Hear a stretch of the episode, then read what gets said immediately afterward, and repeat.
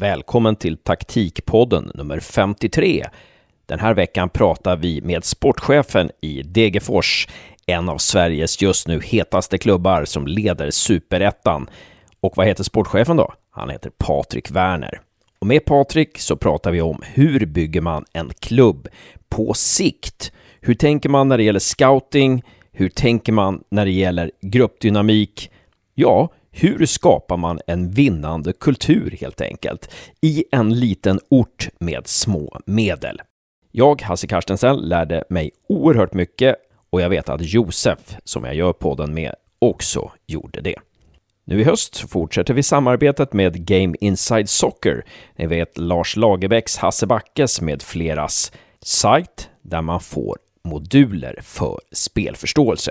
Du kan vinna en månads prenumeration på Game Inside Soccer om du retweetar vår tweet från den här fredagen den 21 augusti så är du med i utlottningen. Jag hoppas att alla vinnare från i våras har fått sina prenumerationer.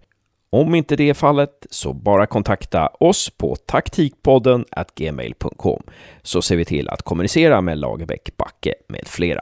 Och ni vet väl att vår Youtube-kanal, Taktikpoddens kanal på Youtube, där har John Wall väldigt mycket intressant att säga. Så gå gärna ut där och prenumerera och kolla. Men nu gott folk lämnar vi ordet till Patrik Werner i klassiska Degerfors IF.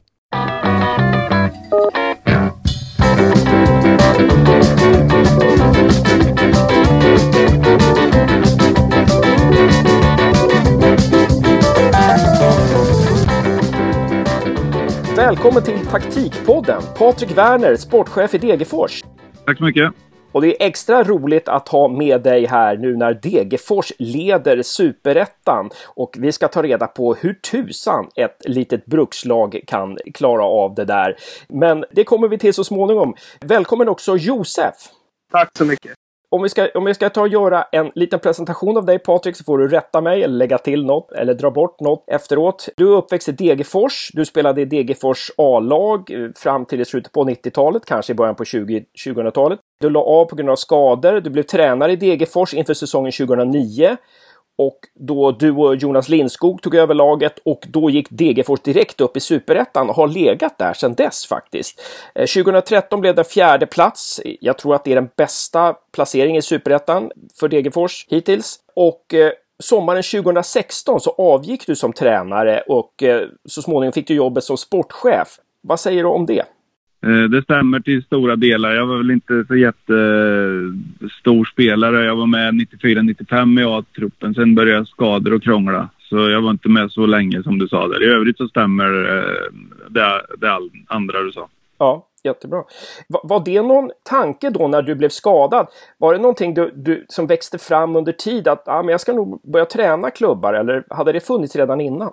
Man har hållit på med fotboll hela livet så, så det är väl ganska naturligt att det skulle bli någonting inom fotbollen så. Sen eh, började knäskador och jag hade hjärtmuskelinflammation ett år och så där så man kände väl ganska tidigt. Så när jag var 26 så slutade jag ju spela och då fick jag ju förfrågan om att ta föreningens juniorlag 2002 tror jag det var. Och då tog jag ju tränarjobbet där och var där i sju år innan jag fick eh, chansen att ta A-laget i division 1. När du tog över A-laget 2009, det gick ju väldigt bra eh, när, när, du och Jonas Lindskog tog över direkt där. Liksom, vad var din fotbollsfilosofi då? Visste du hur så här vill jag spela eller hur tänkte du? Ja, det, var vi var ganska tydliga med det. Vi spelade ett 4-2-3-1-spel då. Vi valde väl, det hade väl varit lite spretigt 2008 där med mycket spelare från egentligen hela världen som inte hade lyckats så bra. Mycket provspelare och satte truppen sent och så. Eh, så det var ett krångligt år 2008. Så vi valde väl att eh, få hem lite mer spelare som vi hade ute i andra klubbar som har lite Degerforsanknytning. och sen bygga vidare på det vi tyckte skulle vara kvar eh, från 2008. Och vi fick ju till det ganska bra även om vi började... Vi förlorade i första matchen 2009. Och vi hade väl stolpe in mot Karlslund hemma vet jag. De missade en straff här och så. Så hade man förlorat den också så vet man inte hur det hade sett ut. Men vi lyckades vinna den matchen och sen rullade det ju på det året och vi gick upp med med väldigt bra grupp. För varje år som har gått så har man ju märkt att, eh, att eh, det är viktigt att, att ha en grupp som drar åt samma håll och, och för att få de här framgångarna som man vill ha. Ja, och det där är ju så jädra intressant när det gäller Degerfors. För jag har läst och hört intervjuer med dig där du pr pratar just det här om gruppen och Degerfors andan och sådär. Men alltså, det är ju det som är så speciellt med Degerfors, att det är många som har rötterna i Degerfors som kommer tillbaka till Degerfors, som spelar i Degerfors, som jobbar i Degerfors. Eh, jag menar när Stefan Jakobsson går till Gais, då kommer Tobias Solberg och Andreas Holmberg över, eh, då tar de över och båda har liksom rötterna i klubben. Och, alltså hur är det möjligt att jobba så här kontinuerligt? Att många ledare, eller många klubbar har ju försökt fylla på med, med ledare inifrån och spelare, ta tillbaka gamla spelare, men de har ju misslyckats. Alltså hur ser ni till att kvalitetssäkra? Ja, det vet man ju aldrig så, men eh, det är ganska enkelt att vara i Prind. Det är familjärt här nere och så. Och vill varandra väl och sådär. Så vi har väl tänkt, eller tyckt då sen vi tog över, vi var ju egna också här. Och det har ju gått ganska bra sedan 2009 så det blev naturligt att, att man ska rekrytera ledare från egna led och så. Och det har ju funkat väldigt bra hittills. Men det är klart att först och främst måste man ju se till att, att kompetensen finns. Och gör det inte det så måste man ju titta någon annanstans. För det är ett krävande och tufft jobb att vara tränare. Eh, och i det här fallet när Stefan inte blev kvar så var det givet att, att Eh, Tobbe och Adde eh, skulle få chansen. De har ju kompetensen och är väldigt duktiga båda två. Så i det här fallet var det enkelt. Sen får vi se nu vad som händer när, när, de, när de inte är kvar. Men vi hoppas ju att de ska vara kvar några år till naturligtvis. Men då får vi titta på det då hur det ser ut. Men först och främst tittar vi på att kan vi hitta en intern rekrytering som är bra nog och har kompetensen, då kommer vi fortsätta sikta på det. Men gör vi inte det så får vi titta utanför 50-skyltarna i Degerfors. Ja, just det. Eh, men, men, men alltså, det här just att du såg att de hade kompetensen. Hur visste du att de hade kompetensen? Hur kan du se det? Nej, men dels har jag haft dem som spelare. Eh, de var ju med redan 2009, så jag har haft dem länge. Sen har de varit assisterande tränare och man märker ju dels hur, eh, hur de driver träningar och dels hur deras fotbollstänk är både det gäller det offensiva och det defensiva spelet. Så det var inga konstigheter. Sen är det ju alltid tufft att vara tränare, framförallt i början, första året. Det är resultaten som styr. Eh, så är det. Men nu har vi fått en lyckad start och eh, samtliga är väldigt nöjda med, med inledningen. Av, men det är långt kvar. Eh, det är 20 matcher kvar. Ja, verkligen, verkligen. Vi ska inte ta ut någonting i förskott, men, men det, det, är ändå ingen som kan ta ifrån er att ni ligger där ni ligger, om man säger så. Då. Nej. Har ni något dokument som ni utgår ifrån? Sirius har ju till exempel The Serious Way, ett hundrasidigt dokument. Har ni något sånt liksom, som, som, som gör att ni kan behålla kontinuiteten när det gäller spel och så? Nej, men vi har ju en, ett, eh, ja, vad ska man säga, en rödvit tråd som man jobbar efter, men vi har inte något hundrasidigt dokument så, utan eh, vi, vi ser väl från eh, från år till år. Men i det stora hela är det jag var inne på att vi, vi ser gärna att det blir enklare också att, att rekrytera ledare in i vår eh, tänkte säga tipselitverksamhet, det heter ju Unicoach nu. Eh, om man ser att liksom möjligheten finns att, att komma upp i, i A-laget där också. Så eh, jag började den vägen och gå från, från tipselitverksamheten då och sen kom Madde och Tobbe in kring A-laget som gamla spelare och sådär. Så, eh, det är väl den vägen vi har valt att gå. Sen har inte vi sagt att det måste vara så, utan eh, vi måste titta liksom på, har vi tror vi att de som är i egen verksamhet har kompetensen till att uh, träna vårt A-lag i det här fallet, då kör vi den vägen. Och tycker vi inte det, då, då går vi en annan väg i så fall. Om Guardiola skulle, vilja, skulle komma in och säga att jag, Degerfors fascinerar mig, men jag skulle vilja spela så här. Då är du ganska öppen, äh, men du får göra lite som du vill, eller? Ja, då diskuterar vi väl det ihop. men eh, jag tror inte att sådana tränare tror inte jag passar in i Degerfors, om man ska vara ärlig. Men eh, man får titta på det. Det är klart att vi, fotbollsfilosofin är väldigt eh, viktig också. Vi har väl haft tränare genom åren. I och med att jag är född och uppvuxen här så har det varit felrekryteringar på tränare också som man har varit med om när eh, filosofin kolliderar om man säger så. Vi vill ju spela en attraktiv eh, fotboll. Ja, det vill väl alla i och för sig. Men eh, en attraktiv fotboll med bra passningsspel, bra fart och eh, att offensiven är, är viktig om man säger det. Den, den är ju grunden till allt om du ska vara med här nere. Eh, ställer du upp det och spelar eh, ett lågt försvarsspel och, och slår långa bollar så blir du inte långvarig i Degerfors. Så det är ju viktigt att man inte rekryterar en sån tränare som står för en sån typ av fotboll. Jag säger inte att det är fel, men det passar inte in i Degerfors. Den rödvita tråden som du säger, en av de nycklarna där eller en av de eh, rubrikerna där, det är att det ska vara framåtlutad spelstil då? Ja, passningsorienterad fotboll med bra fart, så kan man väl säga. Jag tänker om ni letar tränare för en attraktiv passningsfotboll, hur gör ni då med att scouta spelare? Ja, det är ju det är ju, det är ju inga, det tror jag de flesta jobbar ungefär likadant. Man tittar ju först och främst så får man ju se hur truppen ser ut. Det blir ju bara, eh, ungefär hälften eller ja, sju, åtta, nio spelare har ju i stort sett alltid utgående avtal hos oss. Eh, det är ju svårt med långsiktighet i och med att vi har dansat på eh, strecket neråt också några gånger så det är lite farligt att sitta med för långa kontrakt också naturligtvis. Men det får vi titta hur det ser ut, eh, hur truppen ser ut. Sen är det ju en budget man får och jobba efter det. Då ser man ju ungefär hur, hur dyr den truppen man har är och hur mycket man har kvar. Eh, och där är det lite olika kategorier vi jobbar efter. Eh, dels tycker vi om de här spelarna som har varit väldigt duktiga här och tagit chansen att spela i allsvenskan eller någon annanstans högre upp. Om de känner att det inte funkat där eller ska därifrån så har vi ju varit positiva till att plocka hem sådana spelare.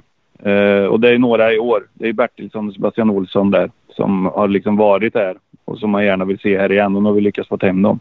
Eh, sen finns det lite andra kategorier eh, av spelare. Det är ju sådana som har spelat allsvensk fotboll. Det finns ju yngre talanger i eh, allsvenskan som inte riktigt har slagit igenom.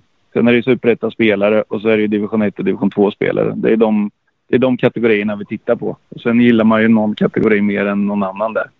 De här kategorierna hjälper er att hitta spelarna på något vis. Det är ett, det är ett slags nät ni kastar ut för att, för att hitta spelarna. Kan det, bli, kan det vara så att någon, ni hittar någon spelare som inte liksom tillhör någon av de här kategorierna?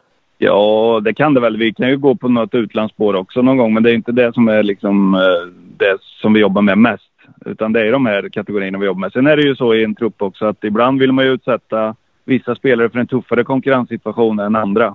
Uh, ibland uh, är man ju ganska tunn på vissa positioner för att man vill att eh, en eller två av dem ska spela nästan hela tiden och må bra av att inte ha en konkurrenssituation. Och i en annan del av laget kan det vara att man väljer att ha tre jämnbra spelare för att man vill utsätta dem för lite tuffare och de mår bättre av det också. Så det är lite olika hur man ser på det där. Generellt sett så har vi ju passat oss för att ta eh, för många allsvenska matcher på meritlistan. Vi tror ju att det är bättre att eh, se Stora Valla och Degerfors som en språngbräda än att man har 100 allsvenska matcher och spelat inför 30 000 och kommer hit. Så tror jag att man tappar några procent där. Jag säger inte att alla de har slagit eh, fel ut, men det mest effekt har vi fått från spelare som inte har slagit igenom och som kommer från lägre divisioner det är spännande när du säger det här med, att, med, med konkurrens. Alltså att för många klubbar pratar om att ja, nu har vi konkurrens på varje position. Där känns det som att du inte tänker likadant. Att det där att ha konkurrens på varje position, det är inget egenvärde i sig. Nej, jag tror inte på det. Att man ska ha 22 jämnbra spelare som slåss om samma platser. Utan jag tror att det är viktigt att vara tydlig mot spelarna att eh, det går ju inte att ha det är jättebra för oss att ha egna produkter i truppen som kommer upp som lärlingar som behöver lite tid på sig. Det är jättebra att ha någon från eh, kanske division 1, division 2 som behöver ett halvår eller ett år innan man eh, kanske är redo. Och så kanske man har eh, lite mer etablerat på några platser där. Så, sen är det kul när någon eh, går väldigt bra och, och går förbi någon som man kanske inte hade räknat med. Men jag tror att det är viktigt att vara tydlig mot spelarna också när man värvar. Att det här ser vi på det här sättet att det kan ta lite tid. Vi ser inte dig som en startspelare just nu. Istället för att tala om för alla man värvar att du kommer starta och då tror jag man får ett problem längre fram när serien börjar dra ihop sig. Så vi är ganska tydliga med hur vi ser på spelarna som vi värvar. Mm. Om man har en väletablerad spelare, alltså som inte har sån otrolig konkurrenssituation och så blir den skadad. Hur, är det, ja hur löser man sådana situationer? Jag antar att det måste ha hänt under åren. Jo, men man, då får man ju naturligtvis ha någon spelare som kan spela på fler positioner eh, i så fall. Eh, skador och avstängningar och sånt, det kommer ju alltid. Men det är ibland, eh, jag vill inte säga något namn sådär, men vissa spelare som vi har eh, vill ju ha trygghet. För att utvecklas på ett bra sätt så ska det liksom vara lugnt, inte åka in och ut från match till match utan man vill ge dem kontinuitet och liksom tro på dem riktigt. Och de har ju slagit väl ut hos oss. Sen är det klart att vi kan inte ha inga som kan spela på de positionerna och så har vi ju inte utan vi har byggt det lite grann som att man kan gå runt lite grann. Vi har väl i årets trupp har vi ju Gustav Granat som kan spela både i backlinjen och som wingback och centralt på mitten. Så där har vi en sån spelare som kan täcka upp eh, på flera positioner. Det här när ni scoutar spelare så jag inbillar mig att det, det måste också finnas en, en, eh, en, kunskap om människan då. Att, att det här är en människa som är på det här stället i karriären. Det här är en, det här, den här passar in i gruppen, den här passar in i Degerforsandan. Hur, hur, hur scoutar ni det? Hur scoutar ni egenskaper? Hur scoutar ni de mjuka värdena?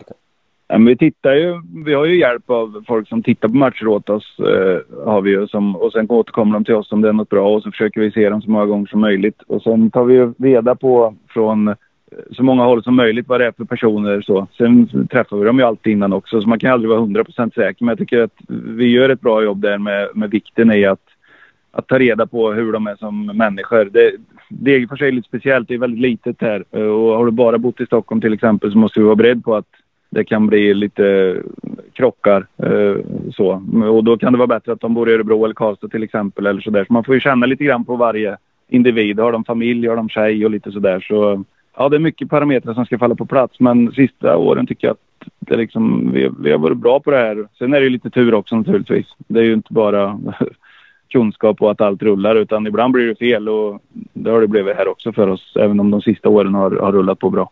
Hur ser du på det här med ledaregenskaper? Eh, är, är det en myt det där att man behöver några spelare som är liksom, tränarens förlängda arm? Eh, no, några som, några som liksom kan, kan stå pall när det blåser snålt. Eh, hur ser du på det? Ja, det tror jag är bra att ha någon eller ett par stycken eh, att luta sig mot. Det har vi ju haft senaste åren också och har även i år tycker jag. Så det, det tror jag är viktigt att det inte liksom blir slätstruket eller att ingen tar för sig. Och sen är det viktigt med kommunikation och att, ja, att gruppen eh, accepterar en, en ja, lagkapten eller en ledare så som ska vara. Så det, det, tror jag är viktigt att man har någon eller ett par stycken. Värvning av Marcus Astvall där från Brage. Eh, den kom så här väldigt överraskande för mig. Jag tyckte han hade gjort så väldigt bra. Brage var en av deras eh, bärande spelare. Hur pass viktig var den värvningen? Ja, men det är en sån spelare som jag pratade om i den kategorin hemvändare där som liksom har varit här och visat sig bra och sen har tagit chansen och spelat. Han var i Norge först och sen i Brage och sen ville han hem till Örebro så det var ganska givet att, att uh, vi skulle höra med honom om, om det var aktuellt med spel i Degerfors. Så det är ju den kategorin som vi kanske använder oss av uh, först och främst varje år och tittar över vilka spelare var det här som har varit duktiga och vilka är det möjligt att vi kan locka tillbaka. Och han var ju en sån spelare. Jakob Ortmark tycker jag också är en intressant spelare. Det, det här är verkligen en fjäder i hatten eh, till er att ni hittade honom. Eh, bara 22 år men väldigt lovande och har gjort väldigt bra ifrån sig i år. Om du vill avslöja det, liksom, hur, hur, hur, länge hade du haft, eh, hur länge hade ni haft koll på honom? Ja, men det är sånt som man har mött som liksom, eh, för våra spelare som vi ska värva så vill man ju att de ska vara väldigt passningsskickliga liksom så, framförallt i, i centralt i plan där.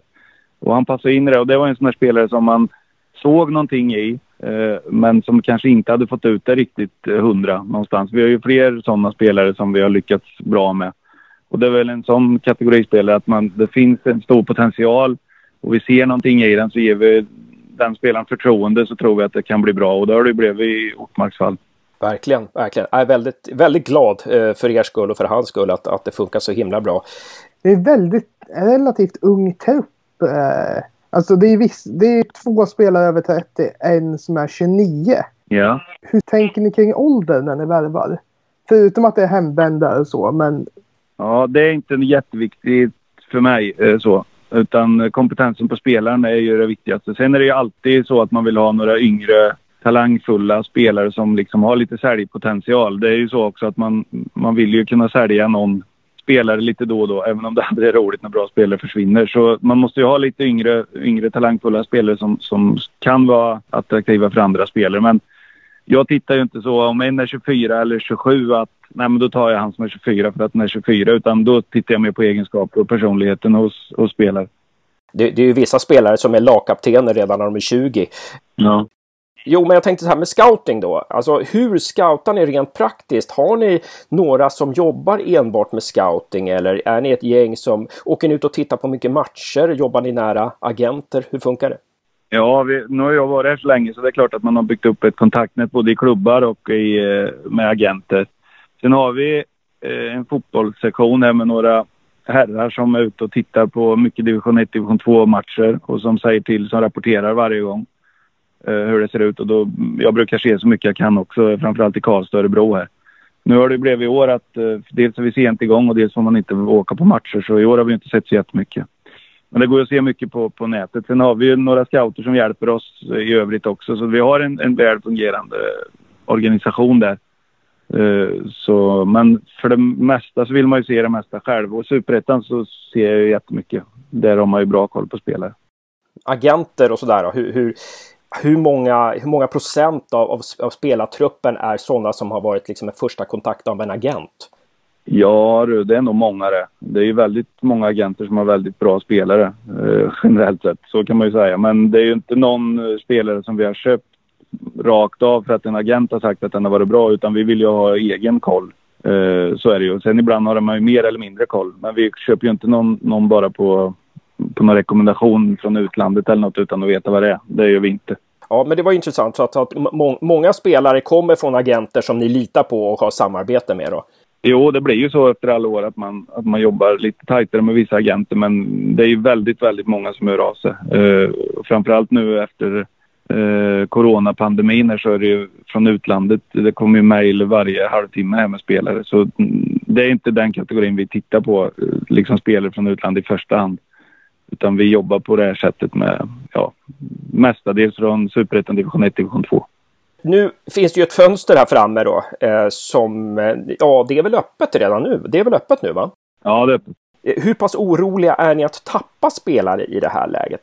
Eh, jag är inte orolig för det. Eh, jag tror ju att när man leder så ser ju våra spelare ser ju chansen i att kunna gå upp med Degerfors. Det tror jag är den största chansen för dem att spela fotboll som ordinarie och liksom bli en viktig spelare. Så jag tror att de flesta vill liksom ge det här chansen nu. Och så tror jag alla eh, resonerar i föreningen också, att det inte är värt att liksom släppa iväg någon spelare nu. Utan jag tror att vi kommer säga nej till alla bud. Det är inte så vanligt att lilla Degerfors med 9000 invånare har möjlighet att, att eh, spela om, om en plats i Allsvenskan. Så jag tror att samtliga kommer ge det här en chans i år och så får vi se hur långt det bär. Eh, vi hoppas ju naturligtvis hela vägen men Gör det inte det så får vi väl se vad som händer efter året. Men just nu så tror jag inte någon i varken spelare, ledare eller styrelse eller anställd personal vill sälja någonting. Utan vi vill ge det här chansen nu.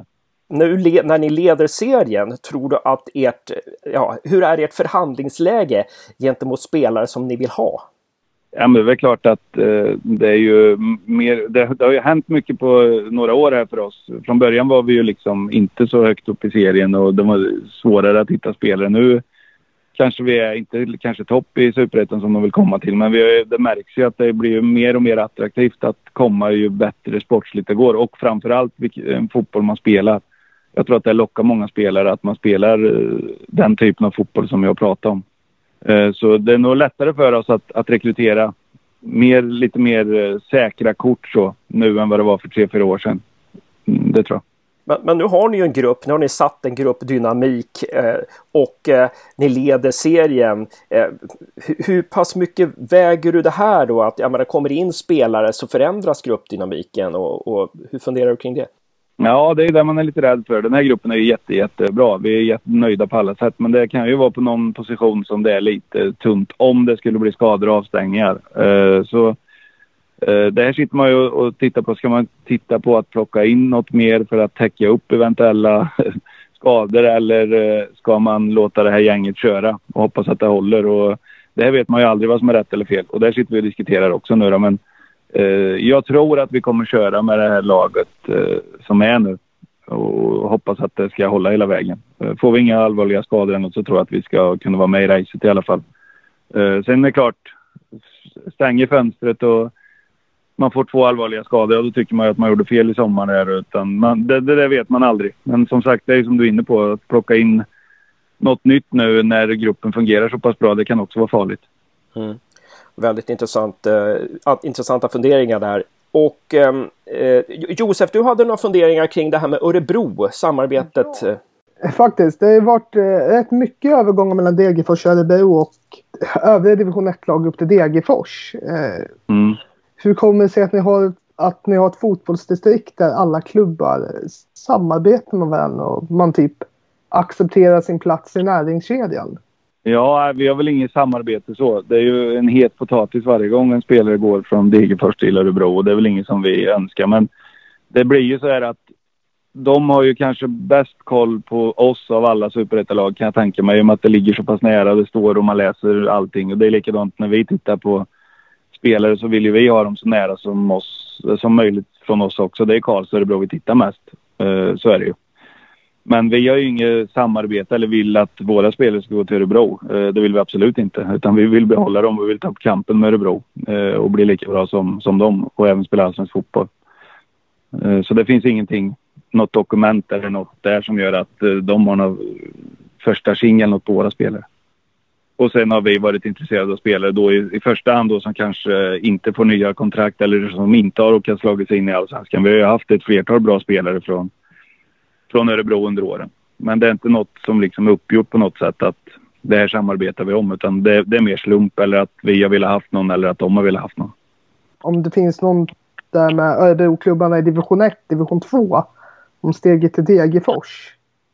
Ja. Är det mer, uh, är det mer accepterat eller också lika infekterat som att gå från Degerfors till Örebro?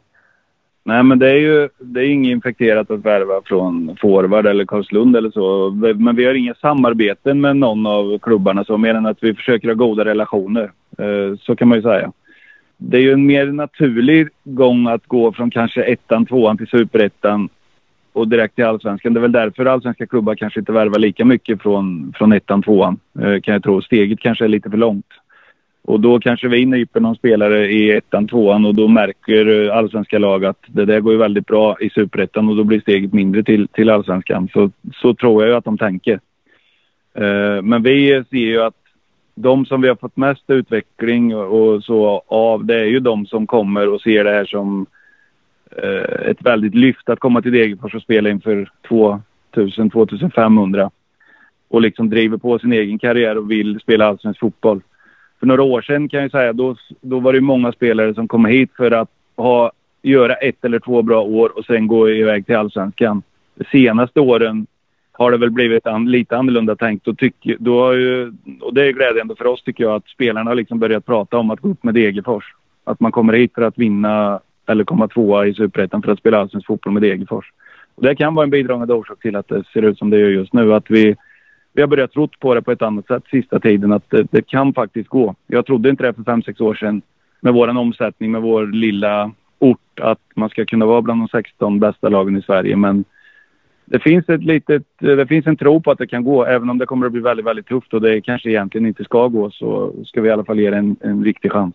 Ja. Tror du att det är det som måste till? Att, att det finns en liten tro på att det kan gå? Är det det som måste finnas i klubben? För annars går det inte. Ja, jag tror det. Eh, jag tror det. Jag märker ju skillnad sista tiden är att eh, alla pratar ju om att det kan faktiskt gå i år. Så har det väl inte diskuterats förut när vi har hängt med som trea, fyra och sådär och haft lite känning att nej, vi har inte riktigt liksom trott att, att uh, det ska gå hela vägen. Men nu, nu börjar faktiskt alla och känna att det kan gå. Vi har spelat tio matcher och vi har plockat 23 poäng. Så man har, det är skillnad om det går en eller två matcher. Men vi har spelat en tredjedel, vi har spelat bra fotboll, vi har gjort mest mål. Jag tror det är Halmstad som har släppt in ett mål mindre än oss. Så jag tror att alla som är involverade eller som håller på klubben tror att det kan, det kan faktiskt hända igen. Även om det är en lång väg kvar och att det kommer att bli väldigt, väldigt tufft. Men vi tror att det ska kunna vara allsvensk fotboll på Stora Valla igen där ser man hur viktigt det är med, med bilder, alltså hur man ser på sig själv. Ser man på sig själv som, ja. som en... Har man, har man eh, alldeles för, för eh, liksom positiva bilder av sig själv så går det inte. Och har man för negativa så går det inte heller. Men ja, eh, det, det där är superintressant alltså. Ja, det, men det gäller att vara liksom ödmjuk i alltihop. Det går inte av sig själv för fem öre, men man kan fortfarande tro att det ska kunna, att det ska kunna gå. Och det tror jag är en, eh, en viktig sak att vi liksom känner det nu. Sen får vi se hur långt det räcker. Men vi har gjort det bra hittills och vi ska försöka att hänga på igen. Vi har en, en bra grupp med bra tränare, spelar bra fotboll eh, och gör mycket mål och släppt in lite mål. Så just nu mår man bra. Men som sagt, det går inte av sig självt jag ska komma in på en grej, får vi se om det här leder någon vart. Men jag tyckte det var så himla intressant bara när, när, när du sa en intervju i, i eh, Degerfors-podden då, eh, när du, av, när du gick, avgick som tränare 2016 så gjorde du det självmant. Det var ett eget beslut. Du kände liksom att du var inte 100% där och, och, och, och så. Det, liksom, det var inte så roligt. Och så sa du så här, alla som håller på med fotboll vet vad jag pratar om. Och det här tycker jag är så intressant just, alltså det är ju alltid tränare som får sparken. Det är tränare som kör fast med bra tränare som kör fast med ett bra lag. Alltså, vad är det som händer där? Om du går tillbaka, vad är det som händer där när det inte är så roligt, när man inte får ut 100 procent? Liksom? Kan man sätta fingret på det? Ja, det är svårt att beskriva det där, men det är ju när man har liksom... Då hade vi en tung höst och en tung vår. Eh, vi redde ju, eller ja, det, hösten kunde man ju ta där då, även fast man var väldigt besviken. Och så laddade man om. Eh, och sen eh, tycker man att allt känns bra. Spelargruppen var positiv och vi tränade på bra och sen då får man inte resultat och man börjar ändra och eh, fixa och dona, tro att det ska bli bättre om man åker på en smäll till och man tränar bra på veckorna igen och man tömmer sig liksom på idéer och vet inte riktigt vad man ska göra. Och man åker på en smäll igen. Ett övertidsmål kommer jag ihåg att det var mot ÖIS sista matchen. Vi var, gjorde faktiskt en bra match men eh, hade kryss och vi kanske borde ha vunnit matchen. Men i 94 så nickade de in en hörna och då kände man liksom att eh, det finns inget mer att göra. Eh, jag har gjort precis allt jag kan men eh, bollen studsar inte riktigt vä den vägen och då kände jag att det var lika bra att kliva åt sidan och försöka få in någon som, som kommer med lite ny energi och, och, och vänder på det och då sa jag till Stefan att han får ta det liksom och så tar de förståelsen att jag ville kliva åt sidan. Och det gick ju bra. Vi, Jonas och Stefan redde ut det där 2016 och efter det har det rullat på bra. Så med facit i hand var det ju ett bra beslut. Men vad var det de kom in med som gjorde att ni redde ut det? Vad var det de kom in med? Vad, vad var det som hände där då? Det var nog mest energi och en ny röst liksom och sådär. Jag kände hela tiden att jag hade gruppen med mig och förtroende och sådär. Så det var inte liksom det. Och sen är man ju härifrån. Jag har ju sagt hela tiden att så länge jag är här nu så vill jag aldrig att eh, Degerfors ska spela division 1 igen. Det är liksom det primära målet och det var ju nära då att vi eh, och kände jag då att någon som jag tror kan göra ett bättre jobb än vad jag kan så är det bättre att kliva åt sidan och låta dem köra. Och de redde ut det på ett jättebra sätt. Otroligt intressant det där. Eh, Josef, sista frågan. Om det fanns en tidsmaskin och du kunde gå tillbaka tio år i tiden. Vilken kunskap eh, har du nu som du skulle velat ha då? Oj, det är svårt. Eh, det är ju den här, man har ju varit med liksom. Man har skaffat kontakter eh, med agenter, med andra klubbar och sådär. Man har fått vara med i fotbollsfamiljen under en lång tid och det är ju en jättefördel det är svårt att liksom komma som ny. När jag tog över, det var ingen som visste vem jag var från lilla Degerfors. Och, och lära känna folk och liksom bygga upp en, en, ett, ett kontaktnät. Det är ju, tror jag, är jätteviktigt att, att få med sig. Sen eh, är det säkerligen många andra saker också eh, som, som man har lärt sig under åren. Men eh, i början där, då jobbade man... Det var ju bara, bara fotboll när man fick... Eh, det var ju, man jobbade ju natt och dag, men man höll på med allt om man säger. Eh, jag tror ju att eh, vilket man vill eller ej så, så tappar man lite energi mm, under resans gång. Eh, om du har varit tränare i 30, 40, 50 år. Utan den där entusiasmen från början är ju jätteviktig att ha. Och det ser man ju på Tobbe och Adde nu att de driver ju det här stenhårt och jobbar eh, dag och natt för att liksom få till bra resultat. Och det har slagit väl ut hittills. Så man, man var ju liksom, man visste inte så mycket i början. Utan man bara gasade och körde. Och sen får man lite mer kunskap och lite mer saker under resans gång där. Men det är svårt att säga liksom så vad, vad man har lärt sig och inte. Men jag tror att det vi, eller det i alla fall jag har fått med mig inom alla år, det är alla kontakter och, och med, ja, med fotbollsfolk. Den tror jag är jätteviktig om man liksom ska göra ett, ett bra jobb inom fotbollsverksamhet. Stort tack för att du var med i taktikpodden Patrik Werner. Stort lycka till nu eh, 2020 och eh, ett, ett fint decennium för Degerfors önskar vi dig. Tackar, tackar. Bra jobbat Josef. Tack detsamma Hasse. Alltså.